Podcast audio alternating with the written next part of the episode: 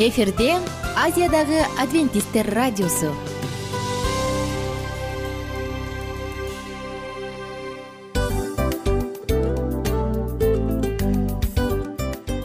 Достор салют. Баардык сүйүктүү угармандарыбызга салам айтабыз. Кутман күнүңүздөр менен.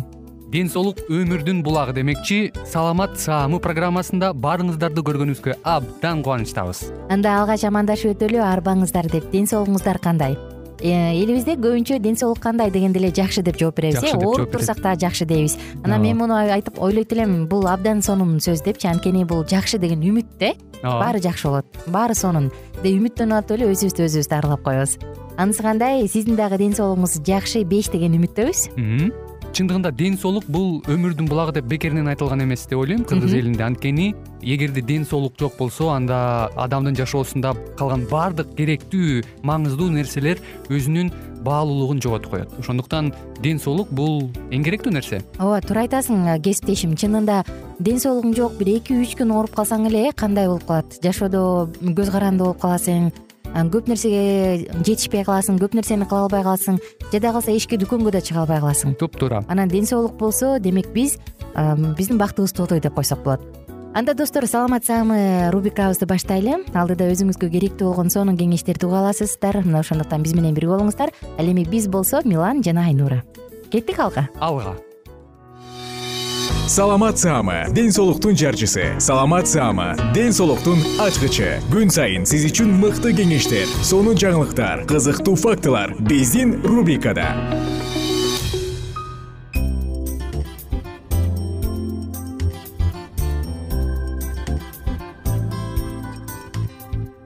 Саламатсыздарбы кадырлуу замандаштар. Биздин сүйүктүү угармандарыбыз кымбаттуу достор жалпыңыздар менен кайрадан саламат саама рубрикасындабыз жана бүгүнкү тема жөтөл деп аталат. Жөтөлүп көрдүңүз беле? Дегенде жок деген угарман болбойт болуш керек. Жөтөлгөндө албетте ар бирибиз кыйналабыз көзүбүздөн жаш агат демибиз кысталат уктай да албай чыгабыз. Бирок бул учур ар бирибиздин башыбыздан өткөн. Жөтөлүп калыптыр ии ооруптур десек энди уксаңыз керек. Бирок чынын айтканда жөтөл бул өзү негизинен оору эмес бул организмдин коргоочу рефлекси. Тагыраак айтканда бронхаларды э, секрецияларда пайда болгон нерселердин баардыгын сыртка чыгарууга аракет жасоо. Демек жалпысынан жөтөлүү процесси бул өзү нормалдуу бирок эмне себептен бул нормалдуу эмес? Анда эмесе алдыны көздөй жөнөйлү жөтөл бул дем алуу органдарынын кокоо кекиртек бронх өпкө ооруларынын негизги белгилери. Жөтөл дем алуунун жолунун былжыр челин сезгенүү процессинин продуктылары же бөтөн нерсе дүүлүктүргөндө пайда болот э кээде жөтөл дем алуу жолу дүүлүкпөй эле сүйрүү мээдеги жөтөл борбору козголуп рефлекстик пайда болот. Мындай жөтөл корккондо уялганда жана башка учурда байкалат. Жөтөл кургак какырыксыз жана какырыктуу болуп бөлүнөт. Жөтөлдө терең дем алып бронх же бүт дем алуу булчуңдар чыңалат. Үн жылчыгы жабылып көөдөндүн ички басымы жогорулайт. Үн жылчыгы кайра ачыла баштаганда аба күч менен сыртка чыгат да өзү менен кошо өпкөдөн какырык же бөтөн нерселерди ала чыгат бул дем алуу жолун тазалайт жана жагымдуу таасир этет. Бирок узакка созулган бат бат жөтөл организмге зыяндуу кээде өтө узакка жана катуу жөтөлгөндө көкүрөк ооруп дем кыстыгат. Оорулуунун алы кетип уйкусу качат өпкөгө абатылот өпкө эмфиземасы деп коет эмеспи. Фарингитте кулкун ачышып кычышып оорулууну кыйнаган кургак жөтөл болот. Коконун ларингитте же кекиртектин трахеид катарында күркүлдөп тынбай жөтөлөт үн байламталары сезгенгенде кырылдаган жөтөл көк жөтөлдө приступ сымал жөтөл болот. Жөтөлдө суткада бөлүнгөн какырыктын өлчөмү ар кандай болуп кээде бир нече стаканга дагы жетиши мүмкүн. Мисалы бронхоэкстазда ушундай көрүнүш көбүрөөк болот. Аны дарылоону дарыгер гана жүргүзөт. Жөтөлдү жоготуу же жеңилдетиш үчүн негизги ооруну дарылаш керек. Какырыктуу жөтөлдө какырык начар бөлүнсө какырык чыгаруучу заттар сунуш кылынат. Көкүрөктүн жогору жагына горчичник коюу ар кандай минерал суу бал кошулган ысык сүт берүү бутка ысык ванна жасап көкүрөккө компресс жасоо оңко коюу кургак жөтөлдү жеңилдетет жана оорусун басаңдатат мына дал ушундай ыкмалар бар. А жалпысынан жөтөл учурда кандай сок ичиш керек? Мына ушул жөнүндө сөз кылабыз. Жогоруда айтылгандай эле жөтөл бул жалпысынан оору эмес э? Жөтөл бул организмдин рефлекстүү коргоочу рефлекси. Мына ошондуктан анда биз жөтөлгүң келип атканда колдон келишинче жөтөлбөй аны басканга аракет кылуу бул акылсыздык. Бирок эмне себептен жөтөлүп жатабыз? Бул нерсени билүү зарыл. Анткени биздин дем алуу органдарыбыздын баардыгын дем алуу жолдорубузду тазалаш үчүн жөтөлөт эмеспизби? А биз айта турган сок бүгүнкү жалпысынан жөтөлдү баспайт. Бирок ал жөтөл батыраак айыгыш үчүн анда какырыктарды жана башка нерселерди эрте чыгарганга жардам берет эмесе достор биз айта турчу бул сабиз сабиз э, бронхтун мембрандарын дарылайт. Эгерде ал жака бир аз жаракат доо кеткен болсо дарылайт. Бул ушул көбүнчө көп эле жөтөлдөрдүн негизги себеби болот. Жана бал. Балдагы инфекцияга каршы анда каражат зат бар болгондуктан бронхторду тазалаганга жардам берет. Мунун натыйжасында жөтөл жеңилденет адам суукка тийгенде бронхит учурунда бир же эки стакан күнүнө жөтөлдү жеңилдетүүчү сокту ичип туруу сунушталат. Бул адамдын дем алуу органдарынын баардыгын тазалап кетет. Жана албетте какырыктардын баардыгын сыртка чыгарганга жардам берет. Эмесе достор сиздер үчүн жөтөлгө каршы шире же сок деп аталган ширенин ингредиенттери менен бөлүшөлү. Жазып дагы алсаңыз болот анткени жөтөлбөгөн адам жок жөтөлбөгөн бала жок ар бир эне үчүн бул күмүш сырга. Сизге керектүү азыктар ингредиенттер. Бир порция эки жүз элүү миллилитр үчүн. Бир клубень фенхель жарым пияз үч сабиз жана бир аш кашык бал. Муну меласа менен алмаштырып койсоңуз болот.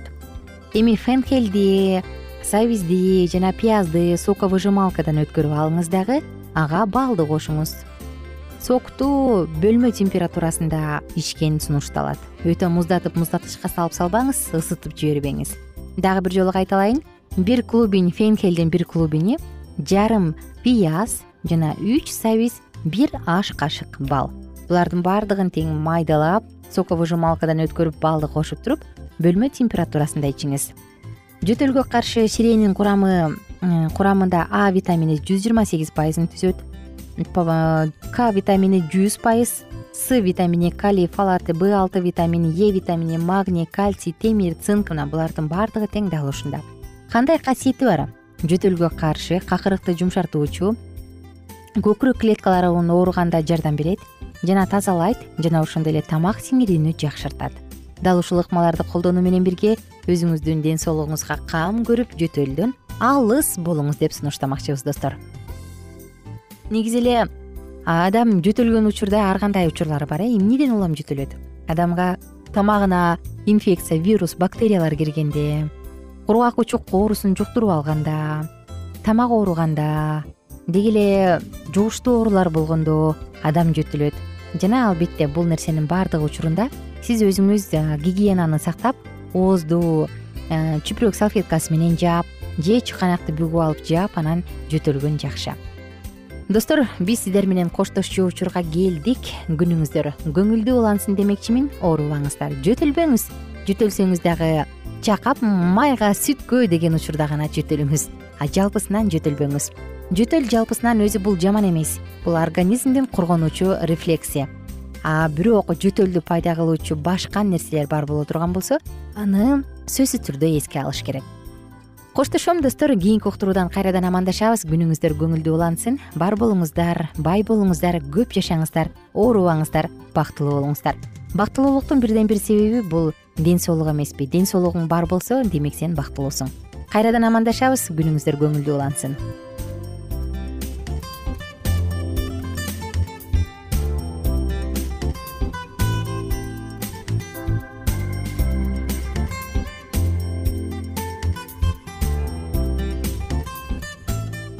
кененирээк маалыматтар үчүн үч w чекит саламат чекит клуб сайтына келип таанышыңыздар. Жана андан тышкары социалдык тармактарда youtube facebook жана instagram баракчаларына катталыңыз. Саламат саама ден соолуктун жарчысы. Саламат саама ден соолуктун ачкычы. Күн сайын сиз үчүн мыкты кеңештер сонун жаңылыктар кызыктуу фактылар. Биздин рубрикада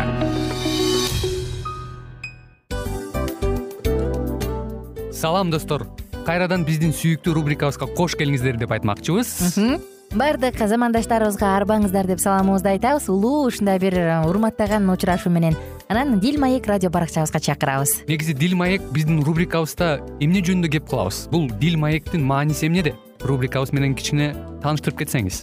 Сөзсүз түрдө тааныштыра кетейин. Кесиптешим суранычы боюнча бул учурда бул радио баракчада биз ар тарап кесип ээлеринен сонун кеңештерди алабыз сүйлөшөбүз сырдашабыз. Аталарыбыздын эжелерибиздин апаларыбыздын кеңештерин угабыз айтор. Жан дүйнөгө адамдын э, сапатына адамдын деги эле адам болуп жашашына керектүү баардык кеңештер алдыда. Негизи э, дил маек дегенде баягы эки адамдын ортосундагы сырдашуу кенен сүйлөшүү. Негизи эле биз адамдар бири бирибиз менен бир жерге жай жерге отуруп алып өзүнчө тынч жашоо жөнүндө өмүрүбүздө эмне болуп атканын бөлүшкөнү жакшы көрөбүз э адамдар. Ооба туура айтасың анан э, мындай учурга кээде убакыт да жетпей келет э? Же болбосо сырыңды кайгыңды муңуңду кубанычыңды айткың келет а адамга ишенбешиң мүмкүн. Ооба. А бул радио баракча угармандарыбыздын чыныгы досу анткени бизден алган кеңеш сиздин жашооңузга чоң жардам берет. Ал эми сиздин бизге айта турган сөзүңүз ортодо гана сыр бойдон калат. Ошондуктан биздин дил маек рубрикабызга дагы бир жолу кош келиңиздер. Жана биз даярдаган маалыматтарга даяр болуңуздар. Айнура жана милан сиздер менен бирге алдыга кеттик ар түрдүү ардактуу кесип ээлеринен алтын сөздөр жүрөк ачышкан сыр чачышкан сонун маек дил маек рубрикасында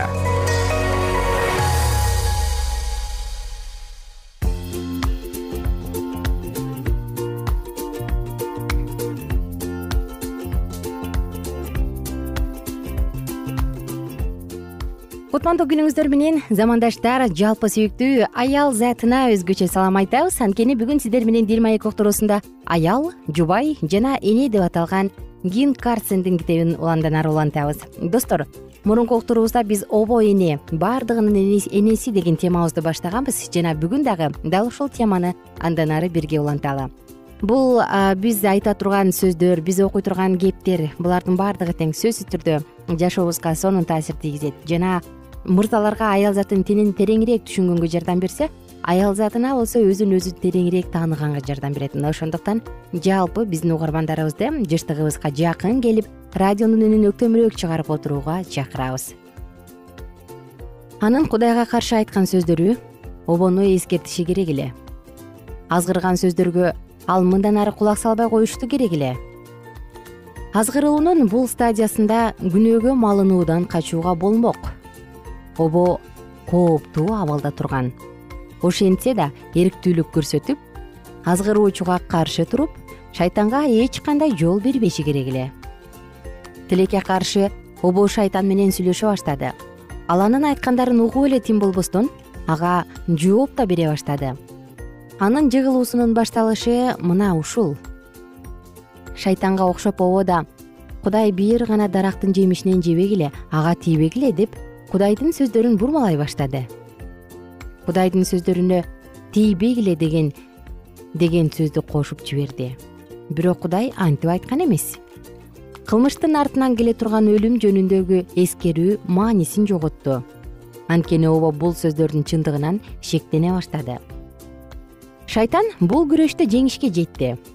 Аял анын сөздөрүнө кулак салып бул аны ого бетер шыктандырды ал кудайды алдамчы атагандан уялган жок. Ал кудайды адамдардын үстүнөн бийлик кылгысы келген бул аркылуу аларды бактысынан ажыраткысы келген бирөө катары көрсөтүп койду. Өлөсүңөр дейби деп шылдыңдай күлдү ал. Өлбөйсүң өзүң элестеткен аалда канча бактылуу болуп чыга келесиң. Кудай сыяктуу болосуң көз карандысыз болууну эңсөө жана тиле албастык анын тагдырын чечип койду шайтан менен сүйлөшө баштагандан бери ага күнөөгө каршы туруу кыйын болуп калды. Көздөрү көрүп жүрөгү каалап каалган нерсени колуна алды. Обо азгыруучунун бийлигине биротоло багынып берди. Эми ал азгырыкка каршы тура албай калды. Эми жемиштен жебей коюуга мүмкүн эмес. Ушуну менен эле ал баары бүтүп калган жок азгырылган аял өзү да азгыруучу болуп чыга келди. Ал өзүнүн күйөөсүн күнөөгө түрттү. Күйөөсү да эч кандай каршылык көрсөтпөстөн туруп аялынын колунан жемишти алды да жеп койду. Дал ушул учурда обо өзүнүн жашоого болгон көз карашы түп тамырынан бери өзгөрүп кеткенин үрөйү уча байкады. Кудайдын жараткандары анын өзү ыраазы болгончолук деңгээлде жеткилең эле. Ошентсе да обо жаратылганга чейин бир нерсе жетишпей турган. Анан кудай теңир мындай деди. Адамга жалгыз болуу жакшы эмес ага ылайык жардамчыны жараталы. Эркек менен аял экөө тең жаратылгандан кийин гана кудай өзү жараткан нерселердин баары эң жакшы болгонун көрдү. Обону кудайдын колдору жараткан. Ал баардык жагынан күйөөсүнө окшош болчу. Болгон айырмасы адам эркек обо болсо аял эле адам катары ал күйөөсү сыяктуу эле акыл эси бир инсан болчу.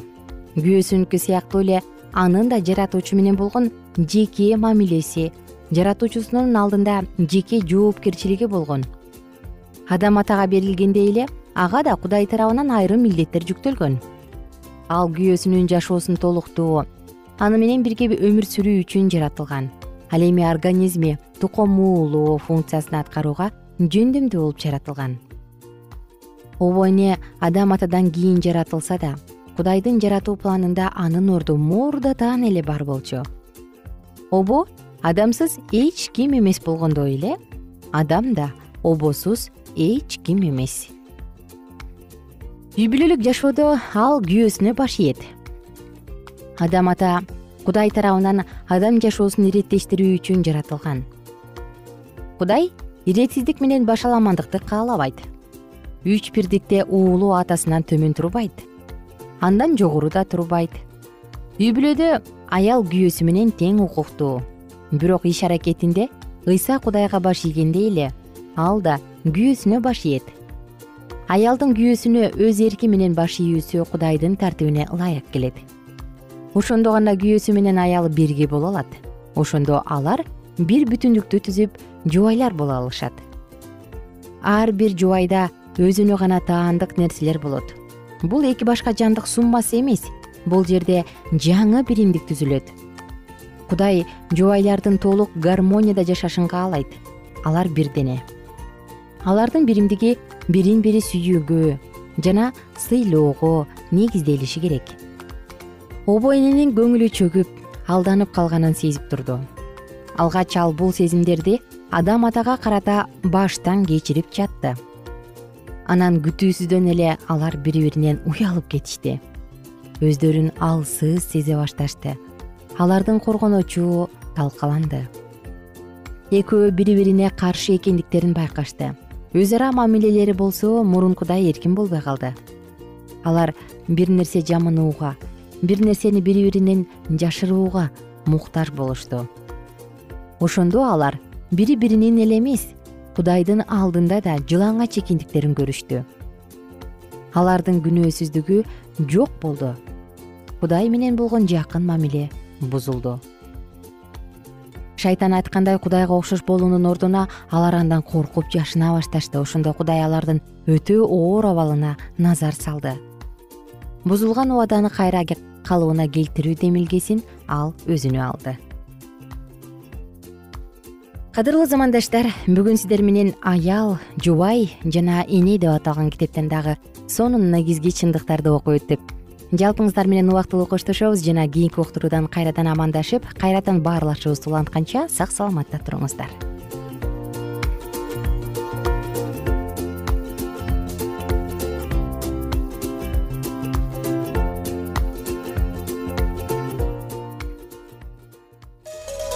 ар түрдүү ардактуу кесип ээлеринен. Алтын сөздөр жүрөк ачышкан сыр чачышкан сонун маек. Дил маек рубрикасында.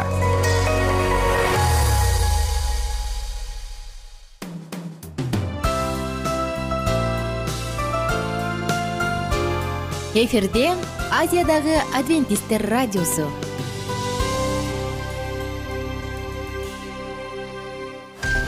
жан дүйнөңдү байыткан жүрөгүңдү азыктанткан жашооңо маңыз тартуулаган жан азык рубрикасы.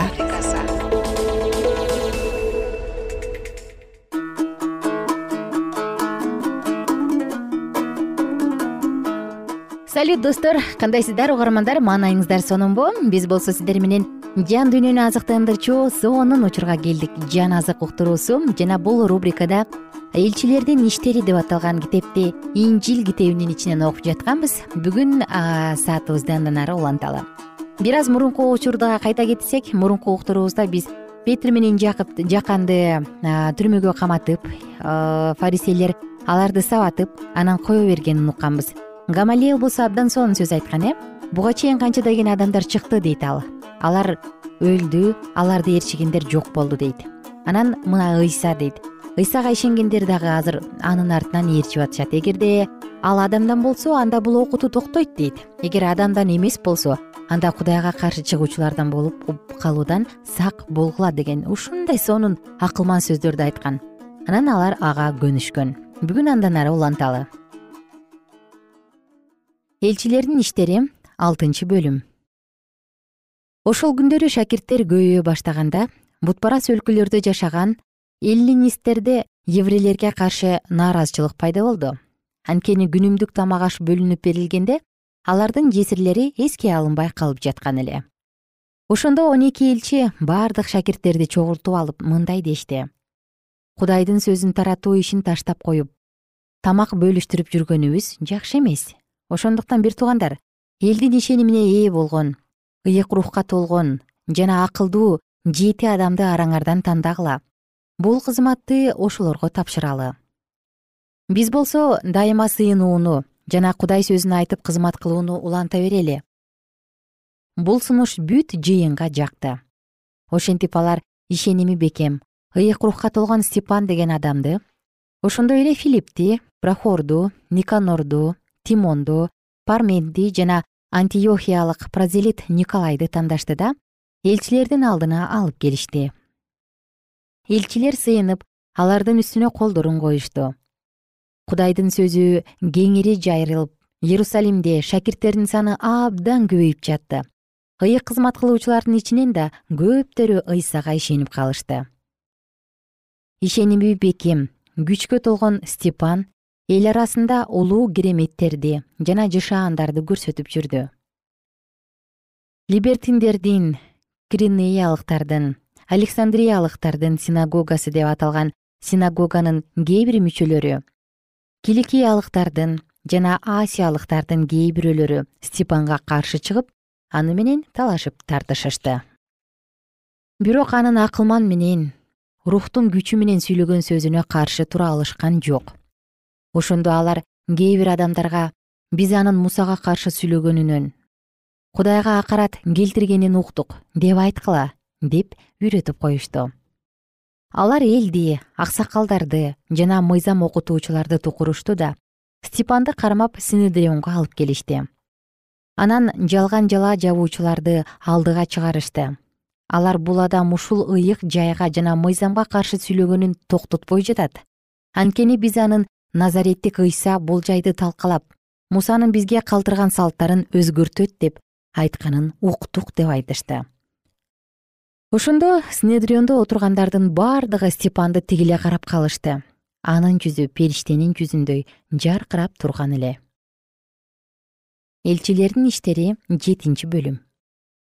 Ошондо башкы ыйык кызмат кылуучу степандан ушул чынбы? деп сурады. Степан мындай деп жооп берди. Агайын туугандар жана аталар сөзүмө кулак салгылачы. Атабыз ыбрайым месопотамияда жашап турганында харанга көчүп кете элегинде ага даңктуу кудай келип өз жериңден тууган уругуңдан атаңдын үйүнөн чыгып мен көрсөтө турган жерге баргын деди. Ошондо ал каздим жеринен чыгып харанга келип отурукташты атасы өлгөндөн кийин кудай аны ал жактан азыр силер жашап жаткан ушул жерге көчүрдү. Ал жерден ыбрайымга бир карыш жер да мурас кылып берген эмес. Бирок ал балалуу боло элек болсо да кудай ал жерди ага жана анын кийинки тукумуна элчилеп берүүнү убада кылды. Кудай ага сенин тукумуң жат жерде келгин эл болот. Аларды кулга айландырып төрт жүз жыл кысымга алышат. Бирок аларды кулга айландырган элди мен өзүм жазалайм ошондон кийин алар ал жерден чыгып ушул жерде мага кызмат кылышат деди кудай аны менен келишим түзүп келишимдин белгиси катары ага сүннөткө отургузуу парызын берди. Ыбрайым ыскак деген уулду болуп аны сегизинчи күнү сүннөткө отургузду.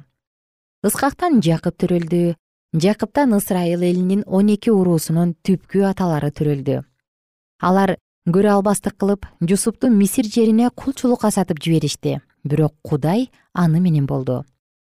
Аны бардык кыйынчылыктарынан куткарып ага акылмандык берип мисир падышасы фараондон ырайым таптырды. Фараон аны бүт мисирге жана өзүнүн падыша сарайына башчы кылып койду. Мисир жана канаан жеринде ачарчылык болуп элди чоң кайгы басты аталарыбыз нансыз калышты. Бирок жакып мисирде эгин бар экендигин угуп аталарыбызды ошол жакка жиберди. Бул алардын мисирге биринчи жолку баруусу эле. Алар мисирге экинчи жолу барышканда жусуп бир туугандарына мен силердин бир тууганыңармын деп ачык айтты. Ошентип жусуптун тууган уругун фараон таанып калды. Жусуп киши жиберип атасы жакыпты жана бүт тууган уругун жетимиш беш адамды чакыртып алды. Ошентип жакып мисирге көчүп барды. Жакып да аталарыбыз да ошол жерде көз жумушту. Алардын сөөгү шекем жериндеги мүрзөгө коюлду. Ыбрайым ал мүрзөнү шекемдеги хамор уулдарынан күмүшкө сатып алган эле. Кудайдын ыбрайымга берген убадасынын аткарыла турган убагы жакындай берди. Элибиз да мисир жеринде көбөйүп жатты.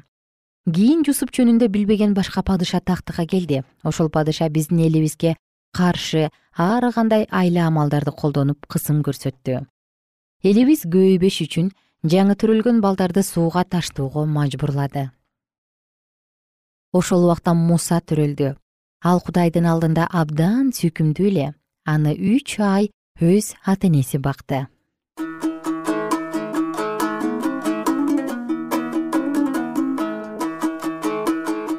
Ардактуу достор биз бүгүнкү уктуруубузду дал ушул жерден токтотобуз. Кийинки уктурууда мындан ары эмне болгон? Степан акталып чыктыбы? Же акталган жокпу? Мына бул жөнүндө кенен сөз кылабыз. Ага чейин жалпыңыздар менен убактылуу коштошом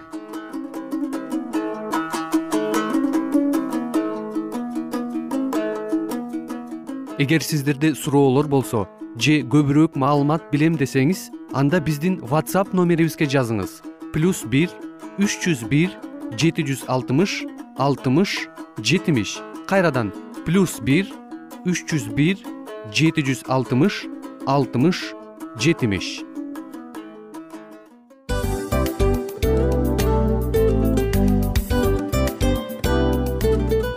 мына ушинтип убакыт дагы тез өтүп кетет экен. Биз дагы радио уктуруубуздун аягына келип жеттик. Келип кубандырдыңар эми кетип кубандыргыла деп тамашалап калышат эмеспи анысы кандай? Радио баракчабызды программабызды азыр эле баштап аткандай болдук элек. Мына соңуна келдик э? Негизи убакыт э, билинбей өтүп кетет экен. Мен дагы э, убакыт дегенде бүгүн бир адам менен сүйлөшүп калдым. Анан убакыт бул мүмкүнчүлүк деп айтып өзүмө өзүм айтып алып анан мага өзүмө эле кайра ачылыш болду да чын эле Э, карап отурсаң ошол эле жыйырма төрт саат ошол эле жарым саат кайталанып атат. Бирок сендеги мүмкүнчүлүк жок ошол кой берилип кетти? Анысы кандай? Бүгүнкү сонун убактыңызды алтындай болгон жарым саатыңызды бизге бөлүп арнаганыңыз үчүн ыраазычылык айтабыз. Анан жашооңуздун кайсы бир сферасын өзгөртө турган сонун пайдалуу кеңеш алган болсоңуз анда биз максатыбызга жеттик. Анан ушул нерсени кылбасам десеңиз ошол өзгөрүүлөрдү кичинекей кадамдардан баштап иш жүзүнө ашырыңыз дагы жашооңузда чоң чоң ийгиликтерге жетиңиздер чын жүрөктөн ар бир берилген кеңештер сөздөр сиздерге пайдасын алып келет деп ишенебиз. Жана кийинки уктурууларда сөзсүз түрдө чыдамсыздык менен сиздерди күтөбүз. Сагынычтуу салам айтып кайрадан дал ушул жыштыктан баардыгыңыздарды тосуп алганча. Кызматта мен айнура жана кесиптешим милан. Анда кол булгалайбыз. Жалпыңыздарга ийгиликтүү күн. Саламатта калыңыздар